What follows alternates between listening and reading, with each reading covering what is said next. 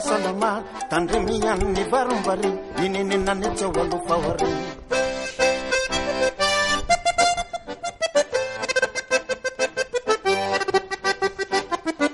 tandre mondremorokalazane tandre mihany ny savatsome tandre ni varombary ninenenany tsy ao alofahary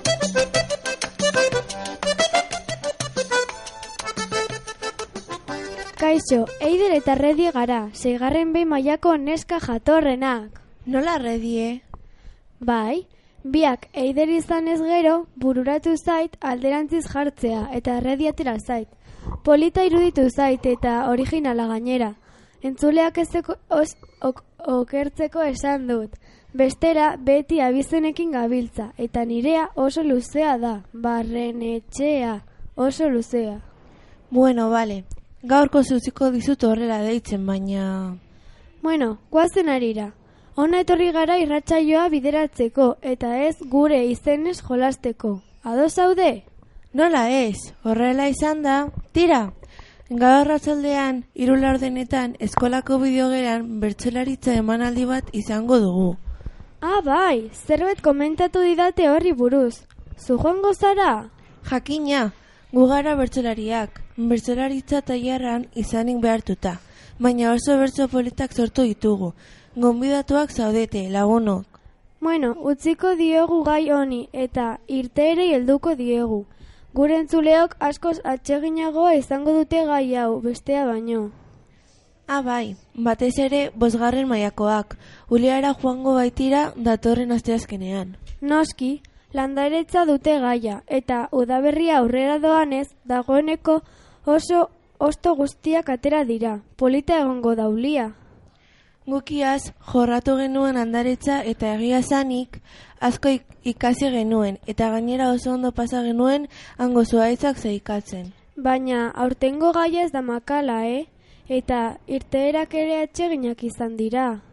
Bai, Molinaoa ibaira joan ginen aurreko asteazkenean eta ostegunean, berriz, ainarbeko urtegira, biak interesgarriak eta probetxuzkoak. Bueno, utziko diogu hitz egiteari adarretatik ibiltzen garelako. Bai, konturatu naiz, begoinak enua ari da eta.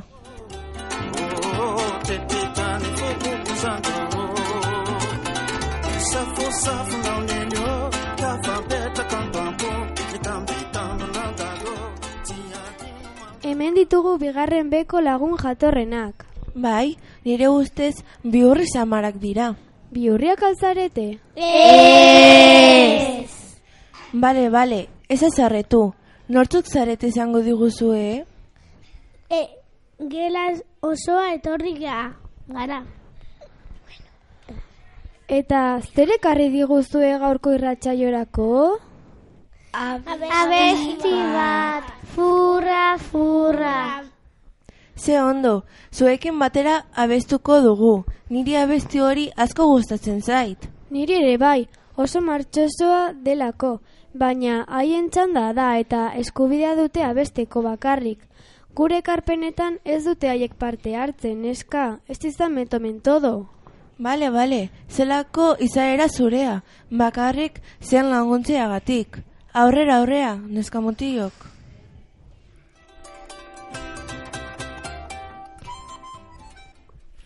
mutilok. Furra, furra, fantangua, hortxe duzu fantangua geure guztukua, hortxe duzu fantangua geure guztukua, garbozean jeikina suerte honian, tanke bat topatu dut. Neure kafesnian.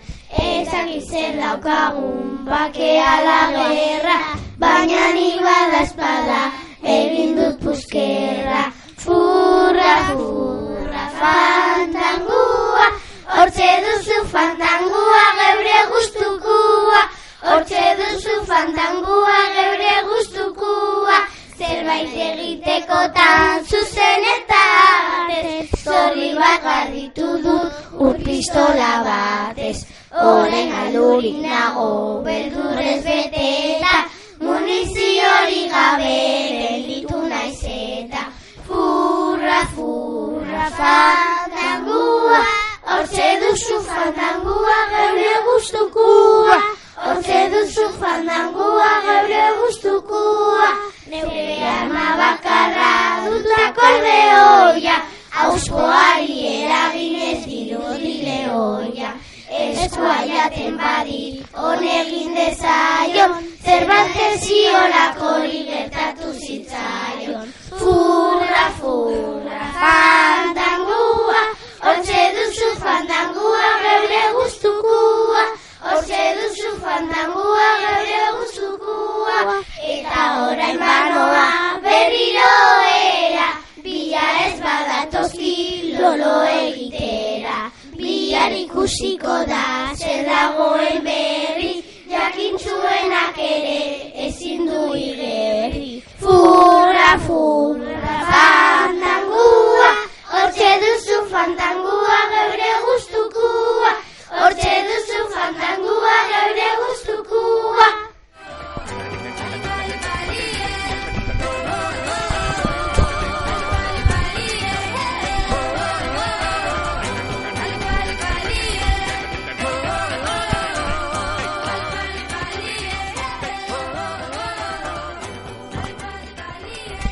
Oso ondo egin duzue. Abeslari, abeslari ederrak zarete, eh? Irrikitan ibili naiz, baina erreprimitu naiz. Etxera iristean jarriko dut eta bestuko dut lau aizetara. Zure etxetik ere entzungo didazu. Bale, bale, ez gelditu gogoekin. Agian amets egingo duzua furra-furra horrekin. Di batera tu di bawan Kirkinan se Di batera bakau di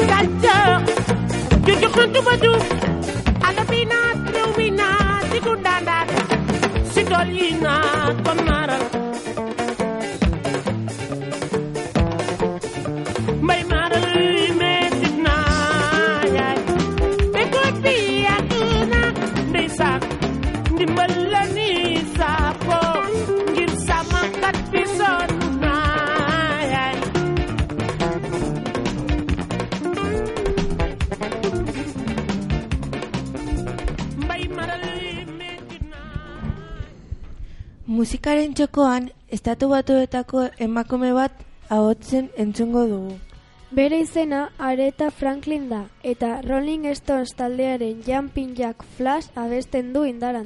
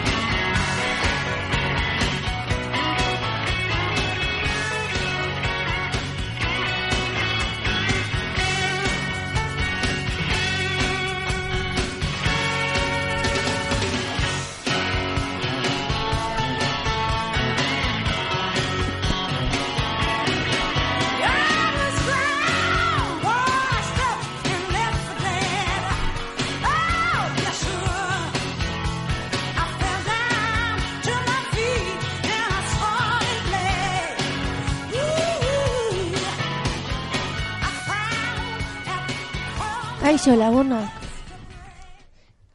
Kaixo. Kaixo. Kaixo. Zer moduz, eskola bukatzeko gogoekin? Bai, gogo handiak ditugu. Eta gu, gutxi falta da. Txaupatuta dago.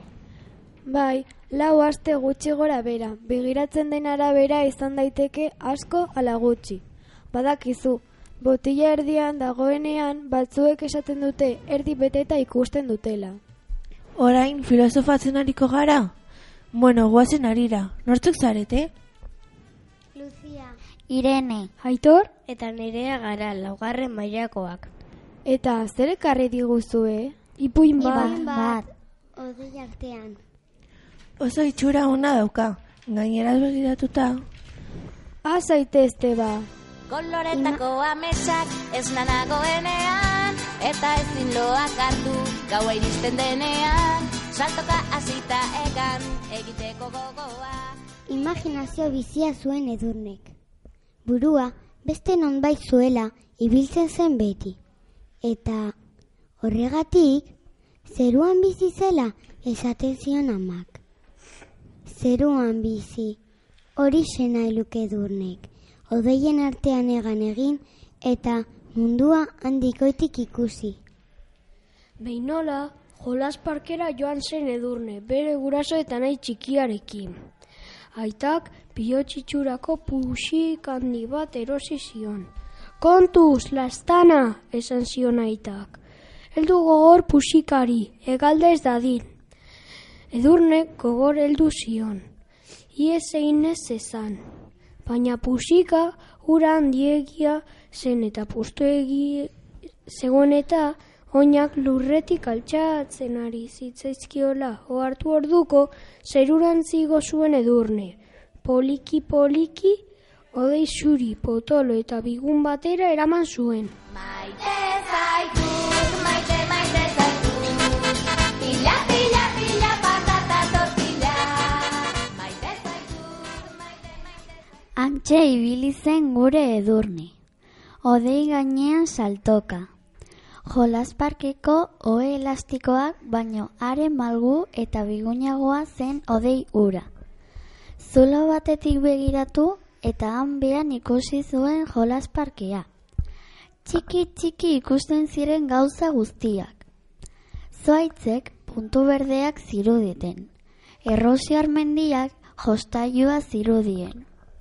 Jolas parkean zeuden aurrak, gizonak eta emakumeak inorriak bezain txikiak ziren. Begietako diztira, dizibarrea ahoan Ezin ditu diskutatu, du ikusitakoa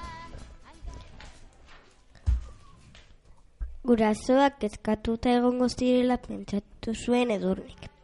Eta deite jaisteko gogo egin zitzaion. Nola ordea, eskerra jolas parkeiko arduradunek ideia parta izan zuten.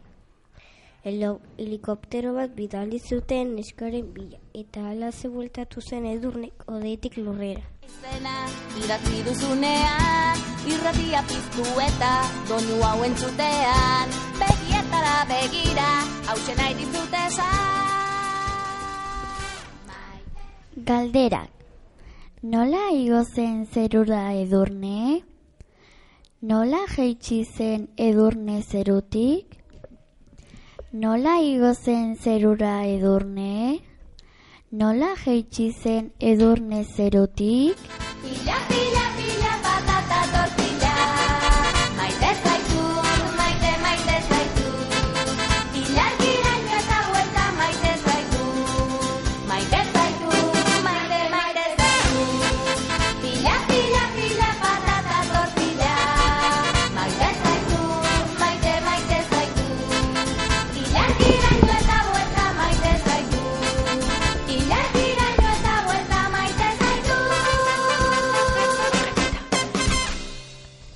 Oso polita izan da.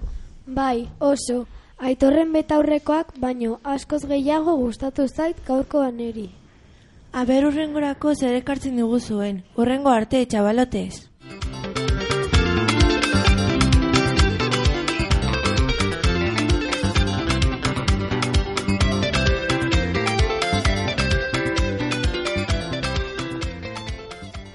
Gaur eskaintza bikoiztua dugu. Jupi! Gure bikik sorpresa bat emango digu. Jotake ibili da abestia prestatzen eta... Hobe galdetzen badiogu berari, ez da? Kaixo, Biki. Kaixo, Eh, Biki naiz. ah, hola, Kaixo, Biki. Eh, ¿Para qué has venido a la Irrati? Una canción de Violeta. Muy bien. ¿Y cómo se titula esa canción? Hoy somos más ¿Y te gusta mucho esa canción? mucho. Todo de Violeta. Muy bien. ¿Y a quién le vas a dedicar esa canción? A mamá. A Nariz. A mis primos. Todo. Janone. La piscina. Su. Los de mi clase. Muy bien, Vicky. ¿Y sabes cantar la canción? Sí, ¿Y la cantas muy bien? sí, ¿Y la vas a cantar ahora? sí, ¿Y todos los niños también? sí. Entonces, preparados. Listos ya. Porque al menos te conocí. Vale la pena te dimos. Dimos. Salimos.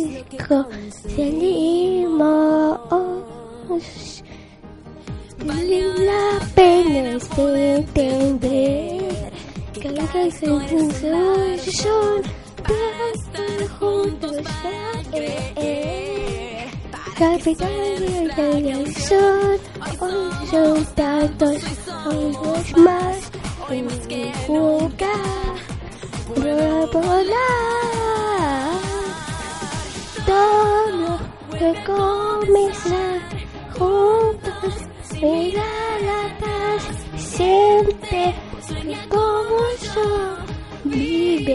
Los tigres hoy, sabes, el día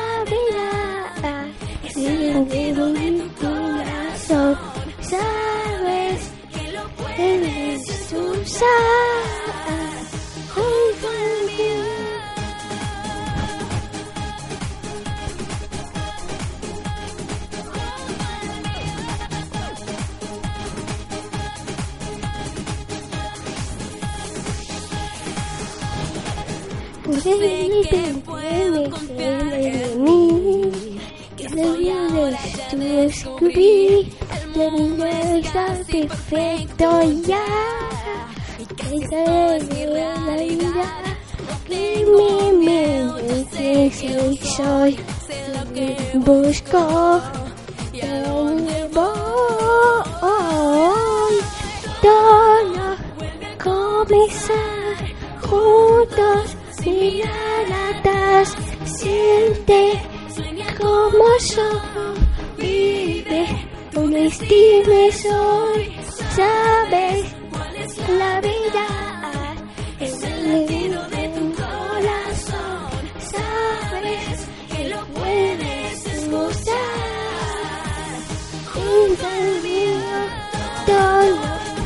comenzar juntos de mirar atrás, siente como tu sol y de la pez aquí.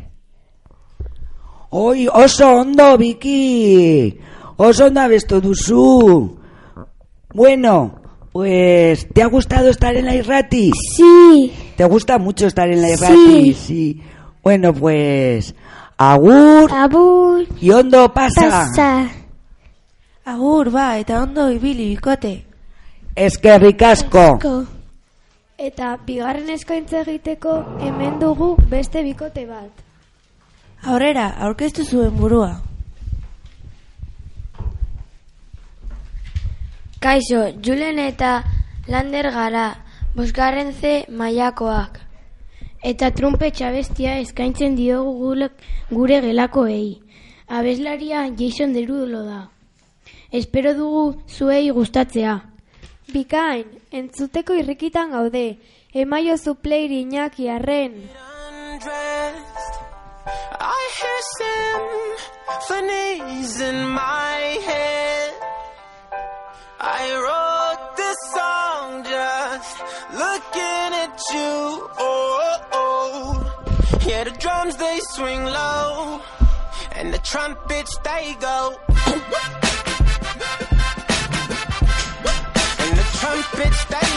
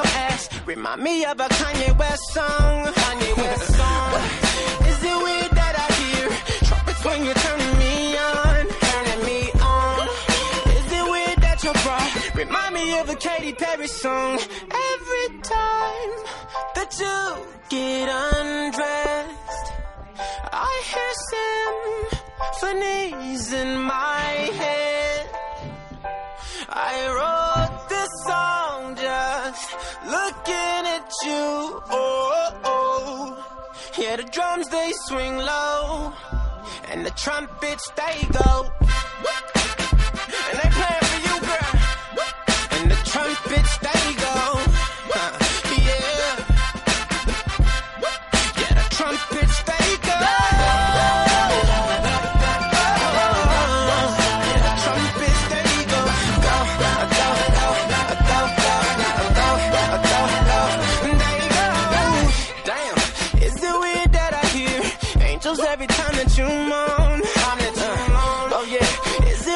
It your eyes remind me of a Coldplay song? Coldplay song.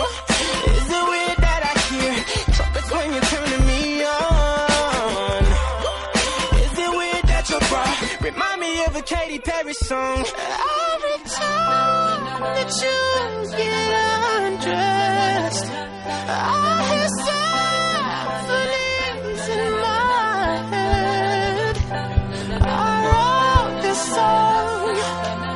looking at you.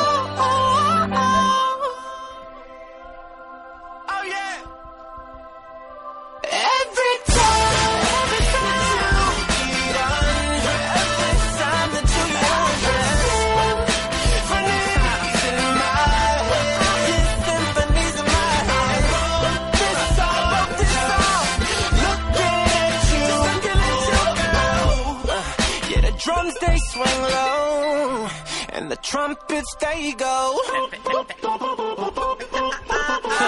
Acapella on them. There you go. Oh, yeah. Uh, come on. Come on. Come on. There you go.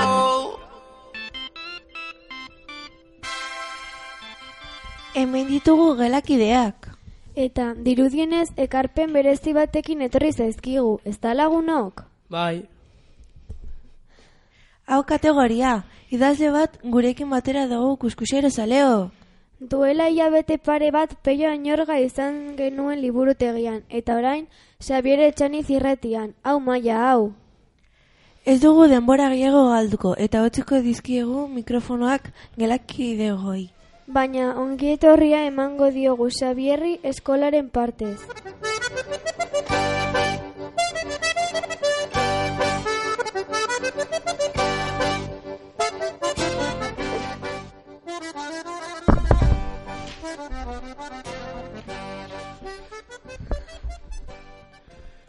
Kaixo, Xavier.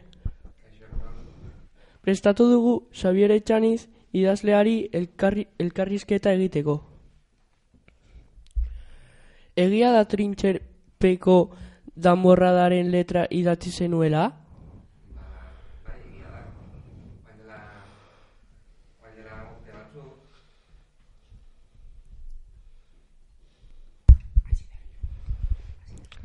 Egia da trintxerpeko danborradaren letra idatzi zenuela?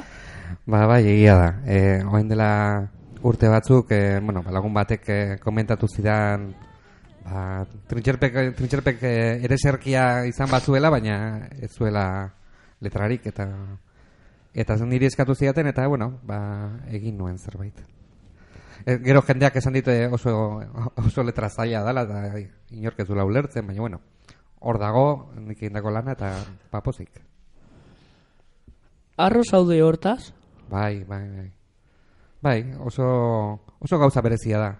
E, ere sergi baten letra egitea iruditzen zaite, bueno, lehenengo aldia zen gainera, ba, nik musikarekin e, musika musikarekin izan dudan harremanak hau nik musikaz ez dakit ezer, orduan letrak egin behar ditut, eta lehenengoa izan zen, eta oso, oso esperientzia polita izan zen. Badakigu zilarrezko euskabizaria erabazi zenuela. Nola sentitu zinen? Ba, pozik, oso pozik. Ze, zari bate irabazteak beti, beti sortzen du e, ba, idazlearen barruan sortzen du karagarrizko poza, ez? Zari gehiago jaso dituzu? Ba, bai, bai, e, igual ez, dut, ez nuke nik esan beharko, baina sari, sari asko jaso ditut. E, sari txikiak eta sari haundiak, hau da, e, ba, diru aldetik diru asko mandiatenak eta diru aldetik diru gutxi mandiatenak. Eta, bueno, denboraren poderioz ikasi dut, e, dem, sari batek etzaituela obet, e, idazle hobea bihurtzen, ez? Ba, bueno, e, sari bat da, ba, bueno, ba, errekonozimendu txiki bat, eta posa ematen duena, baina, bueno, jarraitu, jarraitu behar da lan egiten. Zesariak ez dira iristen berez. Bai, ez baduzu lanik egiten, bizitza honetan ez baduzu lanik egiten, ez dago saririk inoiz ez. Momentu honetan liburu, liburuaren bat idazten ari zara? Uh, galdera, galdera zaila da hori. E, ide, gu beti idazten ere gara. Idazleok, idazleoi gustatzen zaigu e, or, ordenaioren aurrean jartzea, edo paper zuriaren aurrean jartzea, eta, eta beti. Claro, gero hortik, ida, orain idazten ari naizen horretatik liburu bat aterako den, ba idearik ez. Gainera, niri ipuinak gustatzen zaizkit, ipuinak txikia dira. E, ipuin, ipuinak iz, e, txiki izate horrek oztopatzen du. Hau liburu batean ba, bilduma bat egin behar duzu ez, edo bilduma bat e, ipuin multzoa bat lortu behar duzu. Orduan, nik idatzi idazten dut, gero gordetzen dut, eta gero pues, etorkizunean ikusiko dugu. Idatziz, bai, zerbait idazten ari naiz. Baina aterako den, edo ez den aterako hori ja, ezin dizut ezan. Badakigu oso lanpetuta zaudela lanarekin eta gainera eskonduta eta bi alabekin. Denbora librekin badu, baduzu? Bueno, bai, bai, lanpetuta, lanpetuta ibiltzen naiz, e, Euskaltei batean lan egiten dut, eta orduan ba, ba, klase asko ematen ditut, eta gero, ba, bi alaben, bi alabekin, eh, ba, ba, bueno, ba, batzutan no, ondo, baina batzutan no, lan gehiago ekartzen dizu horrek. E, denbora librea kontua antolatzea da. Antolatzea da. Hada, nire maztearekin e, negoziatu, noizko, noiz e, izango ditudan nik tarte batzuk ba idazteko, eta bueno, ba, beste batzutan ba ezin dut, eta ezin denean, ba, ba utzi, abarkatu dena, eta, eta aurrera jarraitu. Zer egiten duzu zure denbora librean? Nire denbora librean, ba, e, idatzi, gero lagunekin egon, gustatzen zait e, sukaldean aritzea, eta gustatzen zait elkarte, elkarte gastronomiko bateko bazkidea naiz, eta gustatzen zait ara joatea, e, gustatzen zait e, interneten ibiltzea, eta salseatzea, Twitterren ibiltzea ere bai, e, bueno, denetarik e, egiten dut. Futbola e, gustatzen zait, ez, jolaz, ez jokatzea, baina bai ikustea, eta holako gauzak egite ditut, oso gauza normalak. Eta i- denbora liberan ere, ba, idazten dut eta eta tarte bueno, ba, arratsaldea e, arratsalde bat libre baldin badokat ba bueno, ba ziurrenik ba elkartera joango naiz eta idatziko dut. Oso kuriosoa da, zenik eh, elkarte gastronomiko batean idazten dut askotan.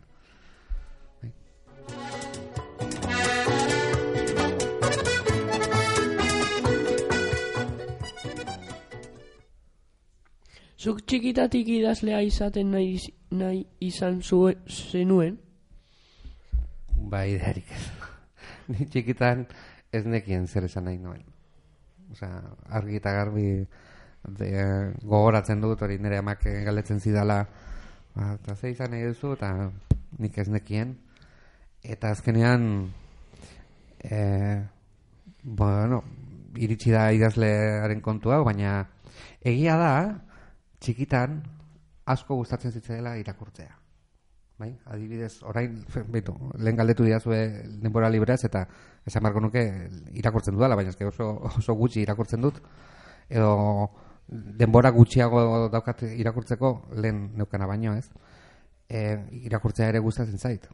Eta txikitan asko gustatzen zitzaidan. Gogoratzen dut e, behin eskola honetan bertan e, irakasle batek kerri eta egin zidan e, matematikatan oso oso gaizki moldatzen nintzelako eta esan zidan e, matematika gehiago eta Agatha Christie gutxiago. Eta eta bueno, ba, gero, gero argi dago matematiketan zero patatero eta idazten eta irakurtzen ba, ba moldatzen naiz. Zure familian artista gehiago egon dira? Ba, ba bai, ba, ba, bai. Nere, nere arreba margolaria da, eta kastelo honetan, kastetxe honetan, eh, bueno, bere margoak eta eta badaude, e, beste anaia bat e, e, ba, musikaria da. Eta gero zinema zinema munduan ere ibiltzen da ba, antolatzen baitu e, mengo laburmetrai lehiaketa. Eta bueno, bai, bai nere, nere aita ere izan zen musikaria. Neko kaskarra bai, bai izan zen. Eta bai, bai gustatu izan zaigu mm, artearen bueno, sorkuntzaren munduan ibiltzea. Elkar argitaletxearekin bakarrik argitaratzen dituzu zure liburuak edo beste batzuekin ere bai Ba, hemen eh, nik uste dat- datu hau bilatzeko garaian ez zarete ondola, osea, on, oso ondo, oso finibili. Ze elkarre argitaletxarekin eh, liburu bakarra argitaratu dut eta ja, zazpi, zazpi atera ditut. Ez, gehienak eh, argitaratzen ditut erein argitaletxarekin. Erein, bueno, eh, argitaratze, argitaratzea oso goza bitxia da ez. Zuk egin duzun lana, bidaltzen diozu pertsona bati, pertsona horrek irakurtzen ditu e, lan horiek eta gero erabakitzen du. Bueno, argita, eh, ar, el, lehenengoa elkar argitaletxerekin atera nuen, gustatu zitzaiolako. Bigarrena, bigarren liburua, erein argitaletxerekin atera nuen, hain zuzen ere, elkarrekoei gustatu ez zitzaielako. Bai? Orduan, bueno, e, zorionez, e, erein argitaletxeko editoreari gustatzen zaio nire idazteko modua eta orain arte ba, beti beti esan izan dit e, baietz e, aurrera eta liburua aterako zuela. Gainera e, eskerrak eman barrizkiet hain zuzen ere ni bezalako idazle batek ba oso gutxi saltzen duelako. Hau da, e, ni defizitarioa naiz e, argitaletxarentzat. Argitaletxeak nirekin dirua galtzen du. Bai? Ze ez ditu bueno, pues mila, mila liburu ateratzen baditu denak ez ditu saltzen. Eta orduan di, di, galtzen du. Bueno, e, batzutan dena, den den dena bizitza honetan ez da ekonomia, ez? Eta orduan, ba, bueno, ba, nirekin galtzen duten dirua, beste idazle batzuekin berreskuratzen dute, orekatzen da eta eta negozioa, bueno, pues negozioak aurrera jarraitzen du. Betidanik izan zara idazlea edo beste gauzitara dedikatu zera? Bueno, mm, le, le, gaztetan alperra nintzen, gehien bat. gaztetan... E, gaztetan hori nintzen. E, ikasle txarra nintzen, e, institutuan ere bai, baina bueno, denbora aprobetsatzen nuen. Ez, ez nuen asko ikasten, baina e, baina denbora aprobetsatzen nuen. Gero, e, aikan hasi nintzen irakasle, euskara irakasle, eta eta hortan jarraitzen dut. Eta ez dut e, oso gaizki egiten, ze oraindik aguantatzen dute. E, eta gero, idazlea izatera, ba, bueno, ba, hola, azken, bueno, lehenengo liburua idatzen nuen orain dela malo urte. E, orain dela hogei urte hasi nintzen idazten. Orduan, denbora asko da e, gauza bera egiten. Bai, beti danik izan nahi zen, ba, ez dakit, baina denbora asko dara madala, bai. Zerk edo nork inspiratu zizun lehenengo aldia iza, idazten azteko? Bueno, le, le, lehenengo aldian lehenengo ipuina idatzi nuena ez da eh, ikastetxe batean kontatzeko modukoa, beraz horrutziko dugu. bai, ze oso historia berezia izan zen, eta e, bueno, idazleok, e, bueno, nik, nik neuk mentzat, e, beti ba bueno, saiatzen naiz beti erreparatzen ba, inguruan dituan gauzetan, ez? Eta horretan fijatu, horretan fijatu eta gauzak ideiak gorde. Inspirazioa toki guztietan dago. E, inspirazioa hor badago gauza bat beti izaten dena, e, bueno, ba, inspirazioa etorri zait. Bueno, inspirazioa etorri zaizu baldin eta eta lanean egon bazara. Hau da, e, ez bazara jartzen ordenagailuaren aurrean edo paper txuriaren aurrean, inspirazioa ez datorriko, hola, bapatean. Inspirazioa ez azitzen, ez da lana. Oran, gu beti saiatzen gara fijatzen. Bueno, os, hau ikusi dut, hau interesgarria iruditu zait. Vale, pues gordeko dut. Gordeko dut buruan, eta gero agian egunen batean hori irabiliko dut. Badibidez, eh, amar urte eh, pasa ditut eh, egunkari batean zutabeak idazten. Bai, kolumna horiek eh, ordan astero astero gauza berri bat idatzi behar izatea ez da ez da erreixa. Orduan, zer egiten nuen? Fijatu. Zer ikusi dudan, zer irakurri dudan, zer ikusi dudan telebista, hori gorde. Ah. Honnei buruz zerbait badaukat esateko? Vale, orduan kontatu eta segi, eta zilanean. Bai. Eta inspirazio hori, gehiago, gehiago da askotan gertatzen da, bueno, bi ordu ordenaioaren aurrean eta ez dute zer idatzi. Ba, bueno, pues, egun horretan ez da ez eratera. Baina horrengo gonean, ordu betean, ateratzen da pilo bat, eta ordu erdian da, lan guztia gina dago. Agian gure irratiarekin sortuko da urrengo liburua, eh, Mario?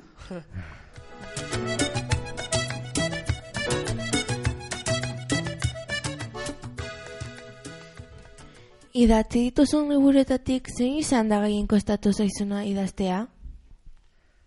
Eh, azkena, beti, beti da azkena.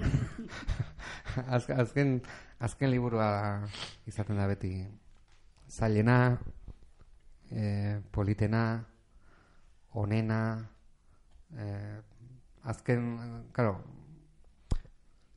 nik liburuak ateratzen ditut bi urtean behin gutxea bera. Hain arte, hola izan da, karo, bi urtean behin, ez da, lan asko egin duzu bi urte horietan. Ez? Ba, ordan daukazu buruan horitzapen horia da. Lan asko egin behar izan dut hau ateratzeko.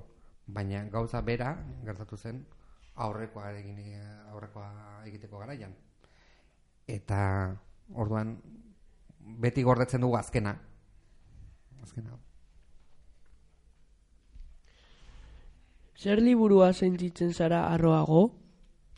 Ba, erantzuna berbera da azkena. azkena beti izaten da onena eta Idaz leona konsideratzen zara? Bueno, gaizki dut egiten.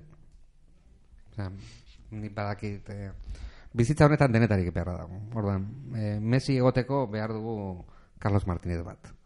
Ez?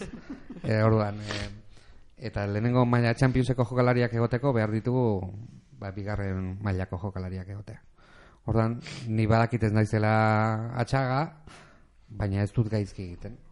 Eta ez dut gaizki egiten, ze gaizki egingo banu, e, du, gabe, lehenengoarekin, ja, pues, zango ziaten, hala, zu etxera. Ez? Orduan, ez, ez zaitu iruditzen, bueno, eta gainera ez, ez dut nahi eta ez dut behar, bueno, bai, atx- atxaga bezain ona izaneko nuke, baina badakit ez dura lortuko. Orduan, e, niretzat ez da, ez da arazo bat, bueno, ona, bai, ni pozik nago nire buruarekin. Zure liburuak Euskal Herrian argitaratzeaz aparte, Espainia mailan ere argitaratzen dira. Pues ez. ez, ez, ez dago eh, ezer dena egin dut euskeraz eta ez dago ez daukat ezer idatzita gazteleraz. Nola sentitu zinen zure lehenengo saria irabazian? Ba, lehenengo saria irabazi nuenean eh, eskola bat ematen ari nintzen Euskaltegian, hemen tentxerpen eta eta deitu ziaten telefonoz. Lehenengo saria irabazi nuen orain dela uf, iaia hogei urte. Gara hartan ez zegoen ez Whatsappik, ez Twitterrik, ez Facebookik, ez zegoen ez telefono deitu ziaten, ez zegoen telefono mugikorrik. Ban, nik ez neukan. Ban, Euskaltegira deitu ziaten, eta hartu nuen telefonoa, eta hortik aurrera, e, ba, klasea bukatu zen, e, kriston fosa sentitu nuen, baina ja oso oso urduri, oso oso urduri jarri nintzen, eta venga, ba, orain joango gara zerbait hartzera, ze, eta klasea bukatu da, ze ni orain ja ez nago klasea emateko moduan. Bueno, ba, lehen esan duan, ez? Denboraren poderioz, de, sari gehiago ir- irabazi ditut, eta bueno, iruditzen zaitu hori izan dela, gehien, gehien, gehien, postu nagoen.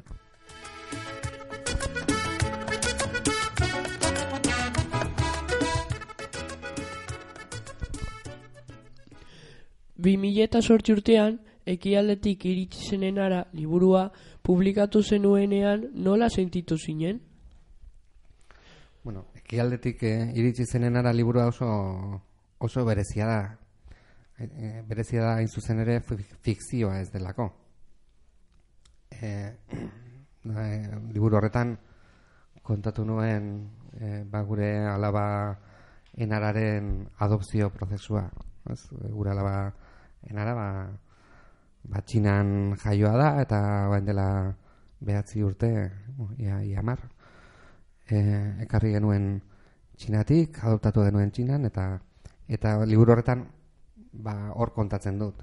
Badago alde handi bat, hau da, fikzioa sortzea, da, sortzen duzu historia bat, zure buruan eta zure buruan dago, eta, eta gertatzen da, zuk nahi duzun guztia, fikzioan, eta e, hau ez zen fikzioa, hau zen errealitatea, orduan kontatu behar nuen, e, ba, nola izan zen prozesu guztia, ba, nola erabaki genuen enarra adoptatzea, nola joan ginen txinara, e, zer gertatu zen e, bide luze horretan, kontatu behar nituen gauza asko benetan gertatutakoak. Eta, bueno, ba, alde hortatik oso, oso liburu berezia da niretzat, ez? Eta gainera berezia da, hain zuzen ere, urte bat, e, bueno, hainbat urte barru, enarak, berak, irakurriko duelako. Eta hor ikusiko du, bere historia. Nire nik e, kontatutako bere historia. Ez da nirea, da berea. E, eta bueno, ba, hori aita batentzat ba, gauza handia da. Ez? Zenbat denbora ematen duzu liburu bat idazten? ez, ez dakit. Ez dakit. E, lehen esan dute bi, urte, bi urtean behin ateratzen dudala e, liburu liburuak ateratzen ditudala hori. Gutxi bera bi urteko aldeaz. Baina ez dakit. E, badakit e, ipuin bat idazteko behar izaten dudala hilabete bat edala e, bueno, behatzi hemen liburu honetan ziren ahotsak liburuan lau ipuin daude luzeagoak dira hauek luzeagoak izan ziren Orduan, lau hilabete, pues ez dakit, lau hilabete, ez dakit kalkulatzen. Bueno, Xavier, mila esker, ona etortxagatik. Zuei. Momentuz gure liburutegian zuk idatzitako liburu bakarra dugu, marrazkiak izenekoa, gero sinatuko diguzu. Ah, eskerrik asko, ekarri digu beste bat. e, baina zin egiten dizut urrengo urteko aurrekontuekin, lortuko ditugula beste batzuk. eskerrik asko. Zuei. Eskerrik asko Xavier guri irratitik pasatzeagatik. Eta horrengo arte.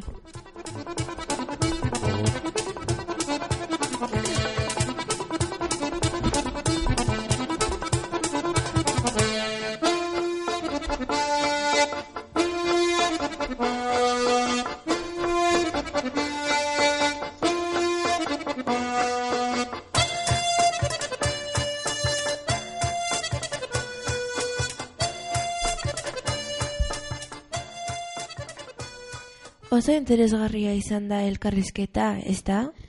Ni ez naiz inoiz idazle baten ondoan izan, unkigarria izan dut momentua. Eta zer espero zenuen, irubezoko tipo bat? Ja, ja, ja. Redie, ez izan tontola pikoa.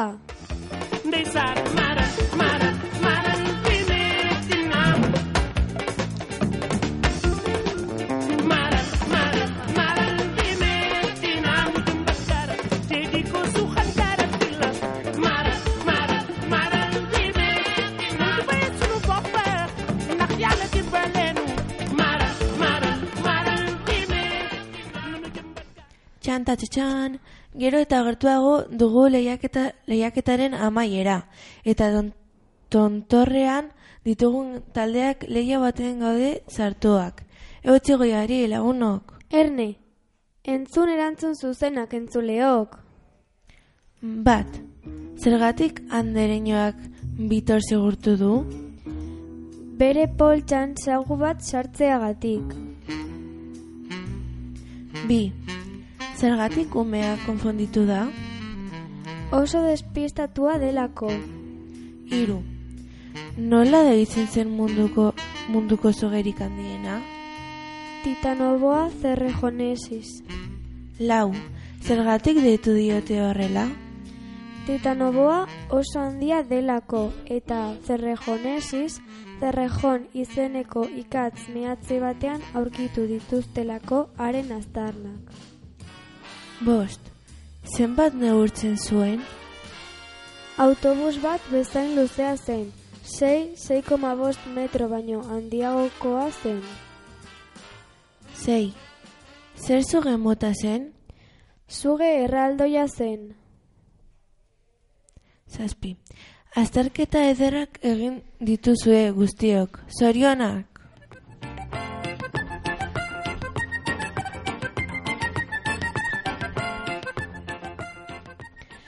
Zuzenketa zorrotza egin eta gero, badaukagu aste honetako irabazlea. Oso zaila izan da zuzenketa egitea, erantzunak gero eta zuzenagoak direlako.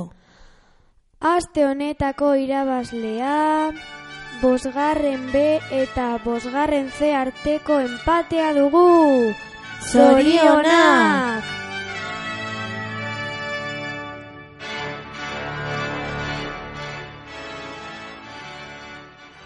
Agur! Baina, nola agur?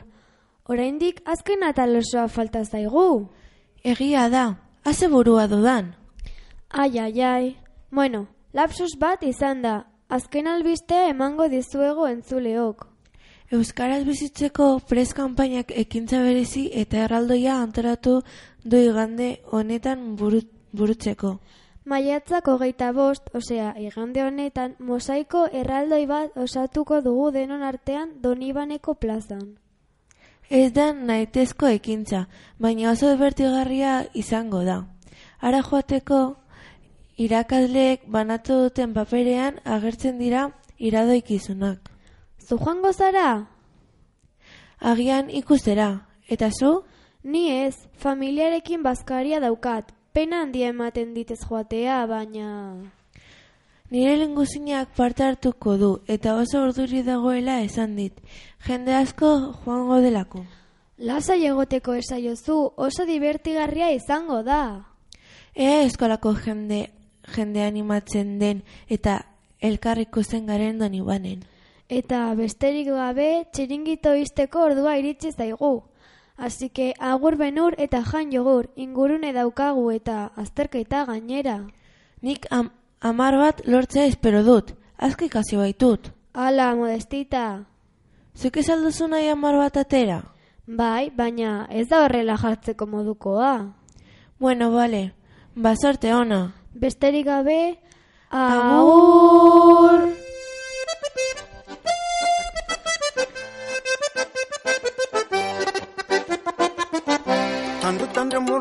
madame tandremia niny fahasalamana tandremia ny varimbariny nininynany tseo alofa hoariny